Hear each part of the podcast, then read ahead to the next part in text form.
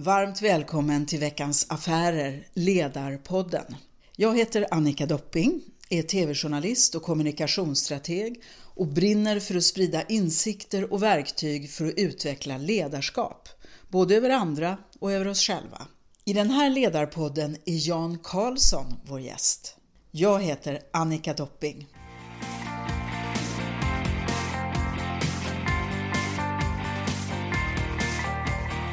Välkommen Jan Karlsson, legendar inom ledarskap. Jag skulle vilja att du börjar med att skryta helt ohämmat över vad du har åstadkommit från vårt lilla konungarike ute i världen. Berätta samman, sammandraget om vad som har hänt. Jag var ju VD i ett antal företag inom servicenäringen kan man säga. Eh, men om vi tar ett av dem, nämligen SAS, eh, där jag var VD i 13 år. Eh, så var det ju så att vi kom från... Vi, vi gjorde ett, ett ledande serviceföretag i världen som alla såg upp till och som alla tog efter både i kommunal och statlig förvaltning i Skandinavien men långt utanför våra gränser i näringsliv och så vidare. Mm. Och det här sammanfattade jag ju av en speciell anledning eh, 1985, eh, alltså 30, för 30 år sedan, i en bok som hette Moments of Truth eller Riv pyramiderna. Den där boken den säljs idag, 30 år senare, i säkert 50-60 länder i världen i tusentals exemplar fortfarande. Eh, och den är översatt till 22 språk. Den enda ledarskapsbok i Sverige som är översatt till ett annat språk. Eh, och ehm, för 2012 här så gjorde Cairo Future en intervjuundersökning med 1700 chefer i Sverige. Mm. Och så frågar man eh, vem eller vad har varit det viktigaste för din karriärutveckling? Och då säger 48 procent, alltså varannan person säger Jan Karlsson. Eh, och det baseras naturligtvis mycket på vad vi gjorde men, och, och, vad jag har så att säga, uttalat efter det. Men framförallt tror jag den här boken. Och eh, så gör Bonnier Forum en, en, en, samling där de säger eh, historiens hundra viktigaste svenskar. Gustav Vasa är den viktigaste. Jag är inte först, jag är inte sist, men jag finns där. Och det är bara Ingvar Kamprad och jag som är fortfarande levande inom näringslivet som är representerade i en sån bok. Ehm, och eh, sen gjorde tidningen Chef en ranking på de hundra viktigaste händelserna i svensk ledarskapshistoria och jag och Ripyramiderna kommer ut som etta. Och då har jag i efterhand börjat försöka förstå vad var, vad var det egentligen vi gjorde som gjorde, blev så varaktigt och som faktiskt har förändrat världen. Jo, det var att vi kommer från ett jordbrukssamhälle där djuren och marken och skogen är i fokus så går vi in i ett industrisamhälle där maskinerna är i fokus. Och vad jag är med att göra och kanske är den ledande till och med globalt. Det är att, att öppna en jättestor port in till ett helt nytt samhälle. Nämligen service och tjänstesamhället. Där inte längre maskinerna är i fokus utan nu är människorna i fokus. Människorna i marknaden, människorna i företaget.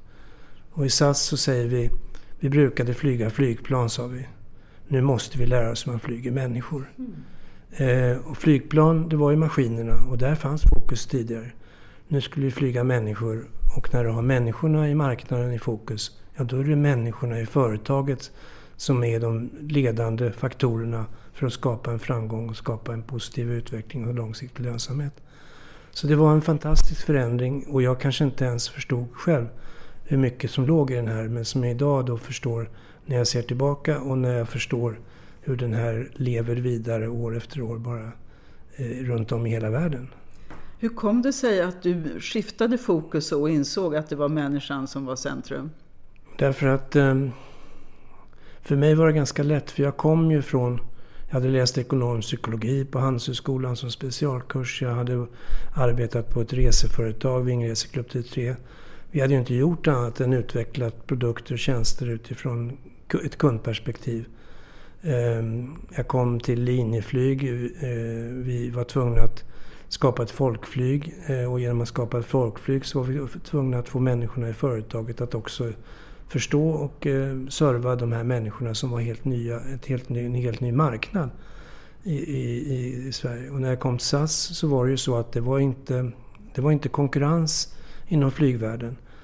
Och för att då kunna driva intäktssidan så var vi tvungna att skapa konkurrens fast då i ett separat marknadssegment. Och i vårt fall var det affärsresenärerna. Vi sa att vi ska bli det bästa alternativet för de frekventa affärsresenärerna. Och var och en i hela företaget ska nu jobba utifrån den utgångspunkten. Och varje åtgärd vi gör ska tala det språket. Att vi är affärsmännens eh, alltså föredragna eh, flygbolag nummer ett. Eh, och det blev alltså, då, då betyder det att alla människor i företaget var de viktigaste faktorerna. Och vi sa, det är inte så att ni representerar SAS när ni möter kunder. Nej, ni är SAS. Det är inte flygplanet, maskinen som längre är SAS. Utan det är ni i den kontakten ni får med kunder. Över telefonen, över högtalarna, i det, i det personliga mötet.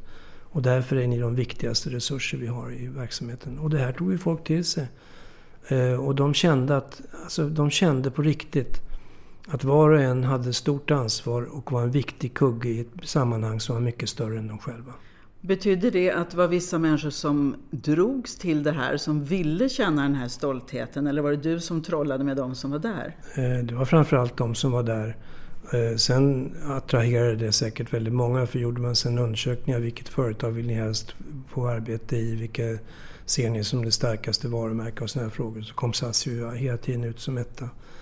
Eh, men det viktiga var att de som jobbade i serviceledet, de anammade ju de här tankarna direkt och de kände sig plötsligt väldigt privilegierade och centrala. De som jobbade med maskinerna, alltså piloter, teknisk personal, även de som köpte och sålde flygplan. De köpte ju inte det här eh, omedelbart i alla fall. Nu var framgången så stor så det var svårt att vara i opposition.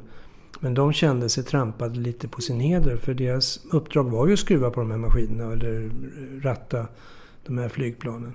Hur hanterade du det då? Jo, då kom Bonniers och frågade om jag kunde skriva en bok om allt som hade hänt och som hände. Och då kände jag att det vill jag göra därför att om jag skriver en bok tänkte jag så kommer alla i företaget läsa den. Och då kommer antagligen de som inte är helt besjälade av det vi nu gör att förstå och eh, så kommer vi att få en enighet bland alla. Och det fick vi säkert i mycket hög grad men, men eh, inte alla. För många, var, för många var ju flygplanet, alltså maskinen, fortfarande det centrala. Eh, och helt kunde vi nog inte sopa bort det. Men vad krävs det då för, för annat ledarskap när det är människor och inte maskiner som är centrum? Ja, det är ju en väldig skillnad. Alltså, ledarskapet med maskinerna i centrum, det gäller ju att välja den produktionsresurs, då maskin, som är effektivast, produktivast och kan skapa den bästa kvaliteten till exempel. Eh, SAS köpte flygplan baserat på lägsta möjliga eh, kilometer, alltså, eh, säteskilometerkostnad. Eh, så det, de flygplan som kunde producera lägst kostnad per flugen säteskilometer, de var de mest attraktiva. Och då vart ju flygplan större och större.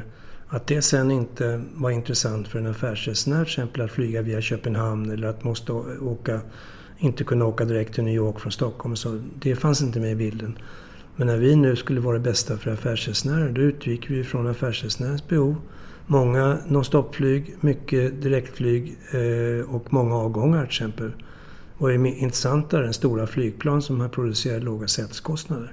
Så det blev en annan. Och eh, när du har människorna som, som den viktigaste produktionsresursen, då måste du ju arbeta med människorna. Och, eh, vi var tre företag i världen den gången som var mera glorifierade, mer lönsamma än andra.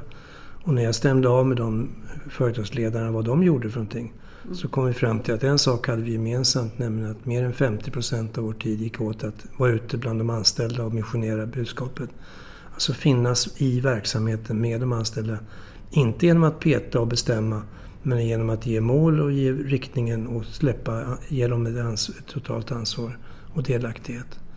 Men eh, alltså en sak som är intressant tycker jag, eh, om vi pratar om ledarskap, så är det ju så att en manlig ledare tar ju aldrig med sig historien. Inte vad jag vet i alla fall, inklusive jag själv. eh, utan vi ska ju skapa vår egen värld.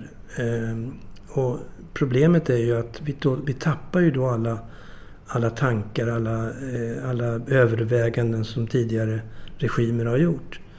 Jag kommer ihåg att jag bjöd min föregångare Knut Hagrup på lunch och han uppskattade det jättemycket. Och han pratade oupphörligen under den här tiden. Men jag lyssnade inte. Alltså det var inte därför jag gjorde det, det var ju för att vara artig. inte för att få kunskap. Vilket var urkorkat för han hade säkert väldigt mycket han kunde gett mig. Min efterträdare, i en bok om SAS, så står det att min efterträdare och hans närmaste assistent var väldigt intresserade av affärer. Därför deltog de i alla förhandlingar med flygplansleverantörerna, stod det. Och det intressanta är att då hade ju porten slagit igen. För att köpa flygplan var ju inte affären. Det är ju att förhandla om ett produktionsmedel. Och har ingenting med affären, det vill säga kundnyttan egentligen att göra. Eh, så att hade, hade då den ledning som klev på frågat vad, vad låg i de här tankarna så är det möjligt att man hade förstått och då hade man kunnat jobba vidare. Nu slog dörrarna igen och SAS, SAS blev inte samma, samma kunddrivna och serviceorienterade företag. Rätt eller fel, men det blev inte så. Men betyder det att man måste förstå sig på människor, vara intresserad av människor? Älska människor som Moder Teresa lär sig? Man, man, eh, man ska, alltså, om, lika intresserade som du var av, av maskinen när det var det centrala produktionsmedlet. Lika intresserad och ännu mer måste du, och närvarande måste du vara med människorna när de är, är din resurs, din konkurrensfördel och alltihopa. Ehm, och du måste, alltså ledarskapet innebär att sätta ett mål, välja en väg och vägen ska vara snäv. Give me the freedom of a tight brief, säger, säger Ogilvy. Ehm, Varför ska den vara snäv? Jo, för om jag säger ni, nu har ni ansvar, ni kan göra vad ni vill. Då, då är det väldigt svårt att bli kreativ för det, man blir snarare vils, vilsen än, än, än ledd. Men mm. säger att eh, det enda som nu gäller är att vi ska bli det viktigaste, bästa företaget för affärsresenärer. Då har gett dem en tight brief och inom ramen för det kan de ta eget ansvar och vara väldigt kreativa. Så det krävs. Ehm, dessutom så krävs det ju då att du följer upp. Så att när människor tar, tar ett ansvar och verkligen levererar så måste man ge en feedback så att de vet vad de har uppnått eller inte uppnått. För det är ju, det är ju respektlöst att inte följa upp. För vem, vem vill göra saker och inte ens bli tackad för det man gör? Sen är det så att det är vissa förutsättningar som är eh, avgörande. Det ena är informationen. Alltså den som inte har information kan inte ta ansvar. Den som har information kan inte undgå att ta ansvar. Och när man informerar så måste man lära sig att överföra, för att kommunicera måste man överföra information och en emotion. Man mm. måste krydda med en känsla så att de säger Janne, jag hör vad du säger och jag känner verkligen vad du menar. Då först så biter det och finns där. Hur gör man då för att, för att kunna krydda med emotion? Då måste man själv vara ja, besjälad? Ja, måste vara själv. Du måste vara totalt eh, nästan besatt och besjälad. Först då så får du över ett budskap. Ehm, sen eh, det, det sista, det andra då, det är ju att jag menar att människor, vi människor styrs av en av två faktorer i alla avseenden i livet. Den ena är rädslan Mm. Och den andra är kärleken. Eh, det finns fortfarande ledare som tror att om jag bara skrämmer upp mitt folk tillräckligt mycket så ska de nog fan prestera. Och det är fascinerande för vi vet ju själva hur vi tappar kreativitet, beslutsförmåga och mod om vi är rädda. Eh, medan däremot om vi känner att vi är omgivna av kärlek då törs vi prestera, vi törs vara kreativa, vi törs utveckla.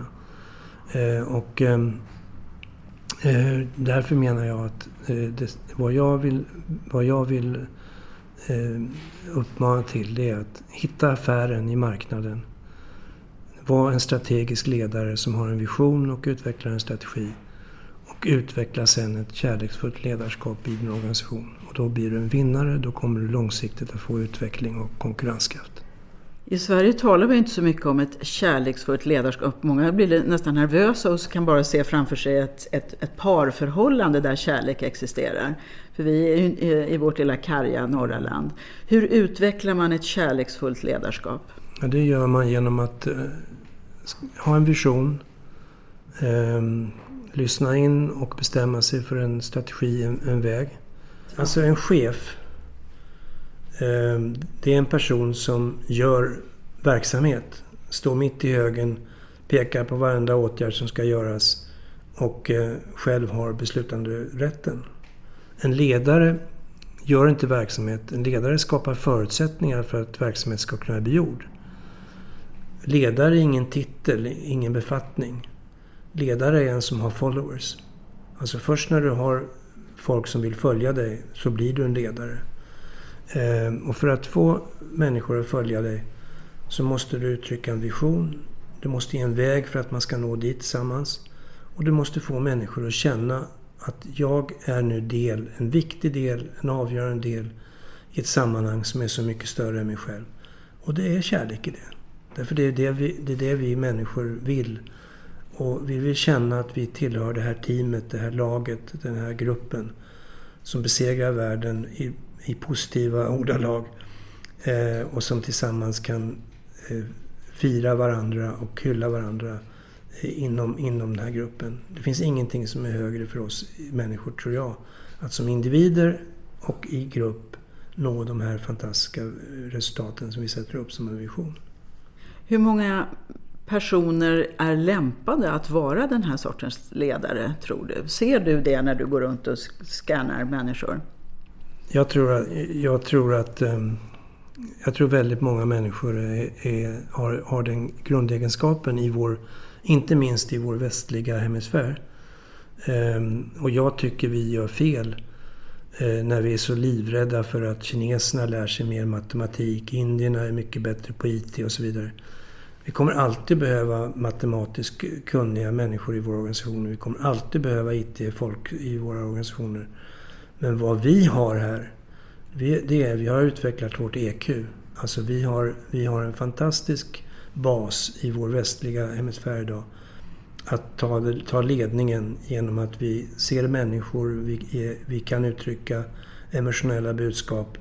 Och jag tycker vi ska, vi ska träna på det. Alltså ledarskapet inte att lära sig en viss grad av matematik. Det är att lära sig en viss del utav eh, förståelse för människor, förståelse för kunder, kom, kom, att kunna kommunicera, eh, förkunna budskapet både inåt och utåt och på så sätt skapa en position i, i, i, i verksamheten och i, i, i konkurrensen i marknaden.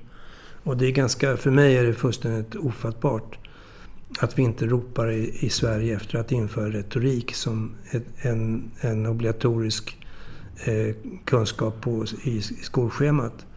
Det jag menar att det är viktigare än att kunna maskinteknik eller, eller matematik idag. Var du sån i skolan att du höll brandtal och fick med dig eh, klasskamrater och så och tränade på ledarskap? Eh, nej, jag, det enda jag minns från skolan var att jag jag eh, var med i aktionsgruppen mot svensk atombomb. Det var Barbro Alving och jag. Eh, hon på riksplanet och jag på lokalplanet. Och jag lyckades smuggla mig in på konservativ skolungdoms söndags... Eh, de hade sån här tedans på söndagen. Och jag lyckades smuggla mig in som talare. Och jag vet inte vad de förväntade sig, men jag började prata om vikten att inte skaffa svensk atombomb. Och det var inte alls vad moderat skolungdom tyckte. Så jag blev utlyft ungefär som en August Palm där. Och det kände jag som en stor, en stor triumf. Men i övrigt så är det ju så att, att man, man ska träna kommunikation, inte på sin egen hemmaplan, för där är man ju fortfarande barn och hämmad. Jag håller mycket föredrag eh, och är väldigt avspänd i det, och för jag vet att jag har ett bra budskap. Känner det. Eh, den enda gången jag varit nervös när jag var när jag skulle hålla tal i Nyköping.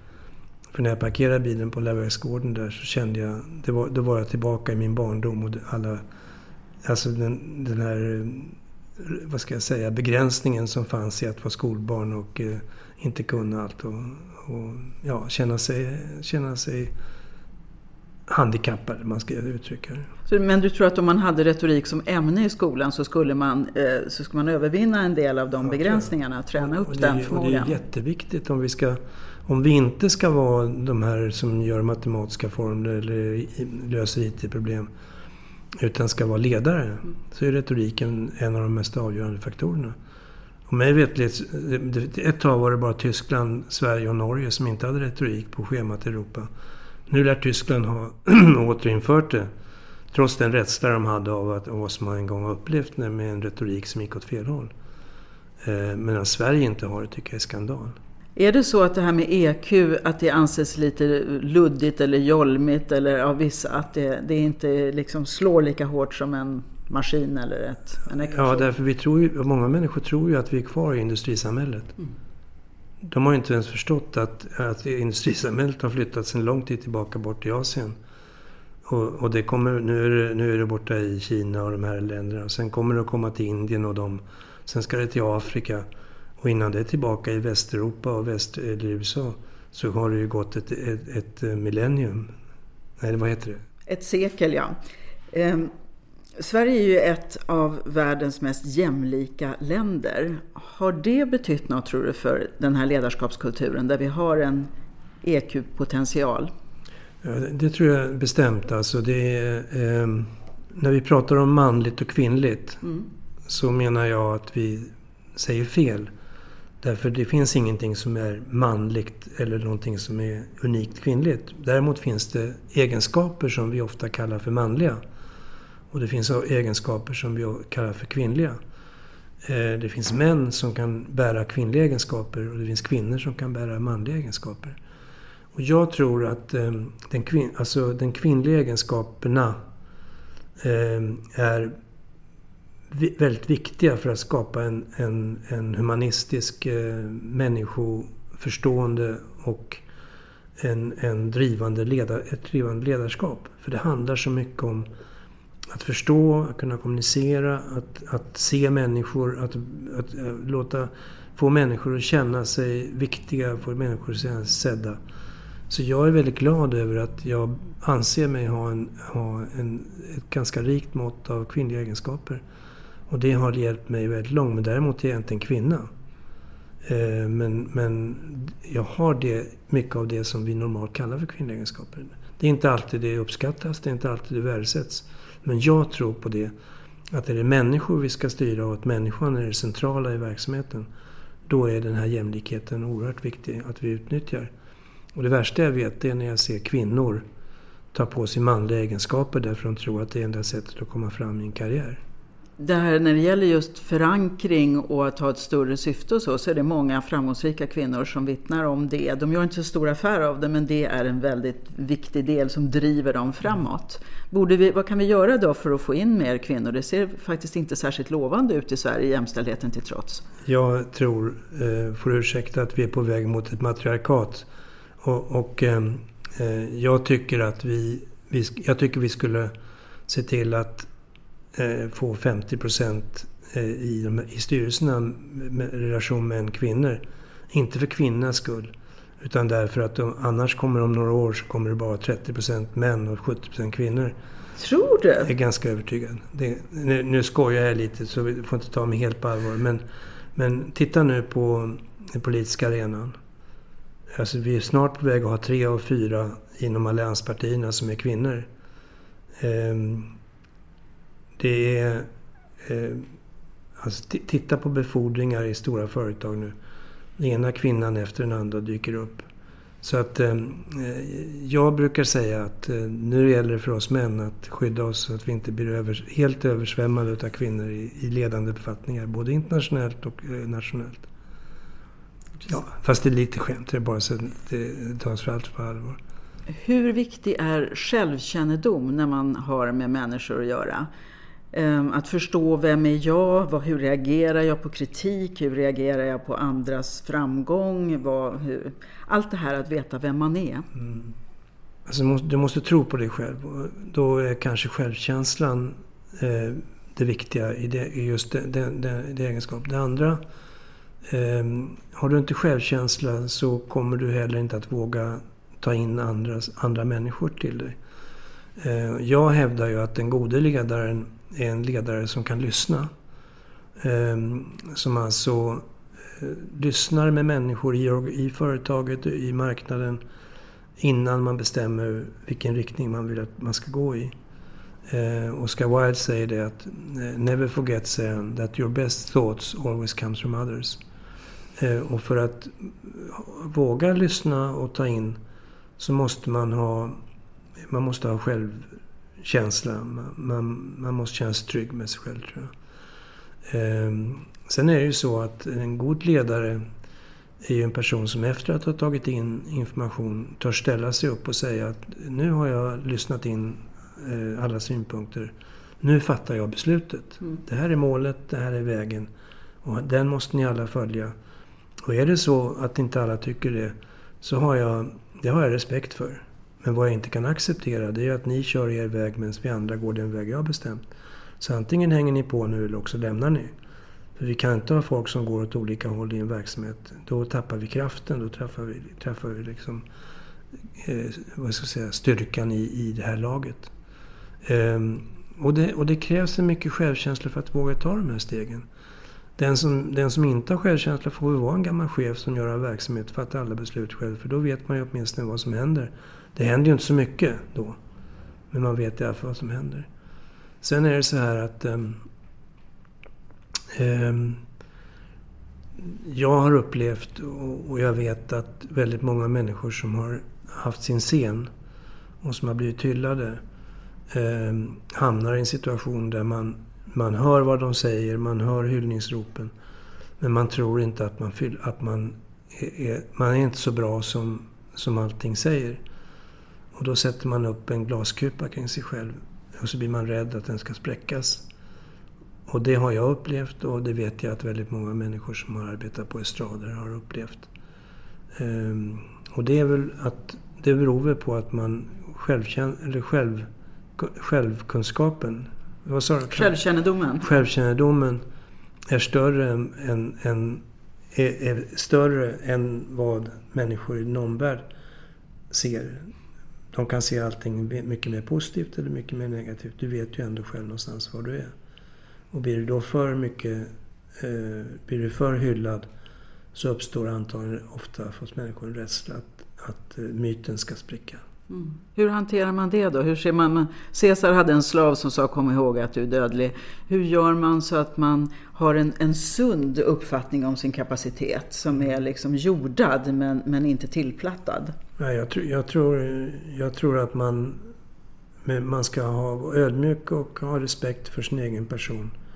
Eh, och är det så att man märker att, att det drar iväg längre än vad man kan stå upp för så får man, så ska man, så får man försöka leva med det eller också får man väl försöka vara ärlig mot omvärlden. Men, men så länge det finns en kraft i det faktum att du blir hyllad eller att du blir sedd på, på, ett, på ett sätt som är väldigt positivt så ska du nog vara, bara vara tacksam att ta emot det.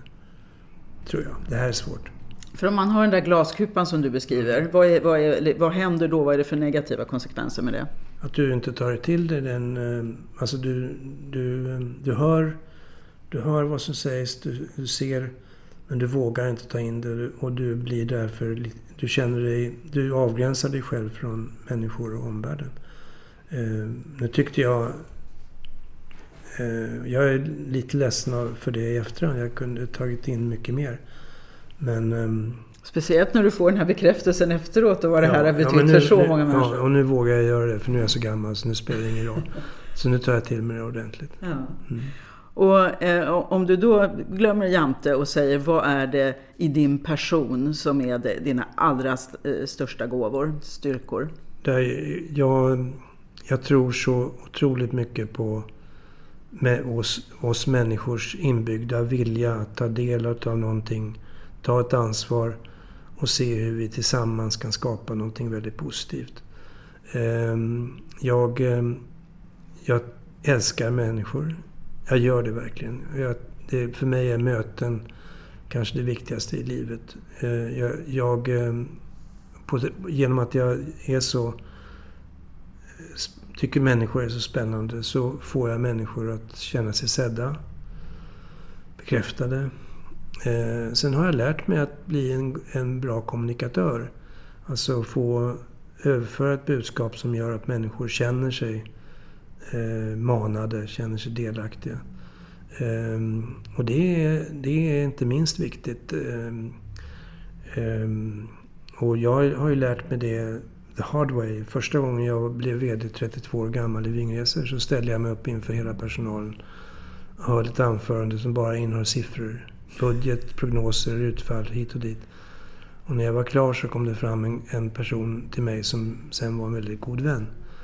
Eh, så sa han, du Jannesson, det där var nog det sämsta jävla föredrag jag har hört, sa han. Och det var ju oerhört generöst. För han, det var en första vägledning jag fick att så kan man inte få människor att engagera sig. Sen blev jag VD för Linjeflyg och gick upp på en skraltig mekanikersteg. Jag hade lärt mig så jag var visst löd i det jag presenterade. Men den som räddade alltihopa det var Janne Berg som hade ansvar för det här mötet. Och när jag klev ner för den här teknikerstegen så drog han på högtalarna. Och då spelade de en poplåt som var modern då som heter Love is in the air. Och den gjorde hela skillnaden. Alltså hela företaget gick på den säkert veckor efteråt. Och skapade ett avstamp. Sen när jag kom till SAS så hade jag verkligen lärt mig det här. Musik är en, ett viktigt verktyg. Ja, men, ja, det skulle kunna vara. Känslan är ett viktigt verktyg. Mm. Kan du väcka känslan med musik? Mm. Kan du väcka känslan med, med, eh, med att berätta eh, om alltså, dina inre tankar, dina eh, exemplifiera vad du vill åstadkomma med anekdoter och så vidare. Eh, skapa en känsla i rummet. Då har, då har du kommit ganska långt som ledare tror jag. Och jag tycker, eh, alltså vi utbildar ju skådespelare på Dramatiska Teatern. I många, alltså de går ju flera år för att bli skådespelare. Mm. Ledare tror vi att ska kunna gå in och tala till tusentals människor och leda tusentals människor utan egentligen någon utbildning i vare sig retorik eller kommunikation eller någonting annat. Många unga personer väljer inte arbetsplatser, de väljer en chef som de tror kan vara just den här trädgårdsmästaren som mm. får dem att blomma. Hur, hur, viktigt är det tycker du? Ja, jag, tror, jag tror att det är väldigt viktigt och det ser man ju på de företag som är de mest attraktiva för, för när, när unga, män, unga ungdomar rösta fram var de vill jobba och så. Det är ofta därför de är personifierade av en, en, en bra affärsidé. Eh, någonting som verkligen skapar skillnad i samhället mot, mot människor i marknaden. Eh, men också en ledare som liksom, man kan, man kan alliera sig med och känna samhörighet med. Jag tror det är viktigt. Sen får vi inte, vi får inte överdriva den individuella rollen. Därför det krävs ju att det är den goda ledaren, den kärleksfulla ledaren. Och inte den sataniska eller, eller den, den, illa, den som vill illa människor illa. Vi har ju sett många exempel i världshistorien på det också. Mm. Och det, absolut. Och det är ju kanske också en, en färskvara att arbeta med sig själv ändå under tiden. Mm. Gjorde du väldigt mycket det för att upprätthålla din liksom det högsta i dig själv, att du inte började bli karriärlysten eller väldigt självupptagen eller så? Ja, alltså jag... Alltså det, här, det här att jag inte... Att min egen självbild inte var lika positiv som omvärldens. Det var naturligtvis ett bra sätt att hålla mig på marken. Ehm, ett annat bra sätt som jag hittade en bild eh, här förra veckan på två stycken vänner som står på en bollbana uppe i Caprice i Frankrike. Med svarta små... små eh, eh vad heter det? Baskrar? Eller Bask, nej? Inte, ja, baskrar. Och med ett bollklot i handen var. Eh, och då tänkte jag, när jag såg det så kände jag det här, det här är jag. Därför jag gick inte på någon slags, eh, ska vi säga, lockelse att umgås eller att, att söka mig till titlar. Och, eh, utan jag sökte mig till vänner. Alltså riktiga människor. Därmed inte sagt att jag att jag inte kunde hitta riktiga människor bland, bland eh, titlarna. Men det är inte givet och du måste leva ditt eget liv någonstans. Och även utanför jobbet. För den dagen jobbet är slut så är det viktigt att landa bland vänner och, och inte bland titlar. Tack så mycket Jan Karlsson. Nästa vecka bjuder Ledarpodden på en skräddarsydd mindset-meditation från Annette Lefterov för att stärka ditt personliga ledarskap. Välkommen tillbaka!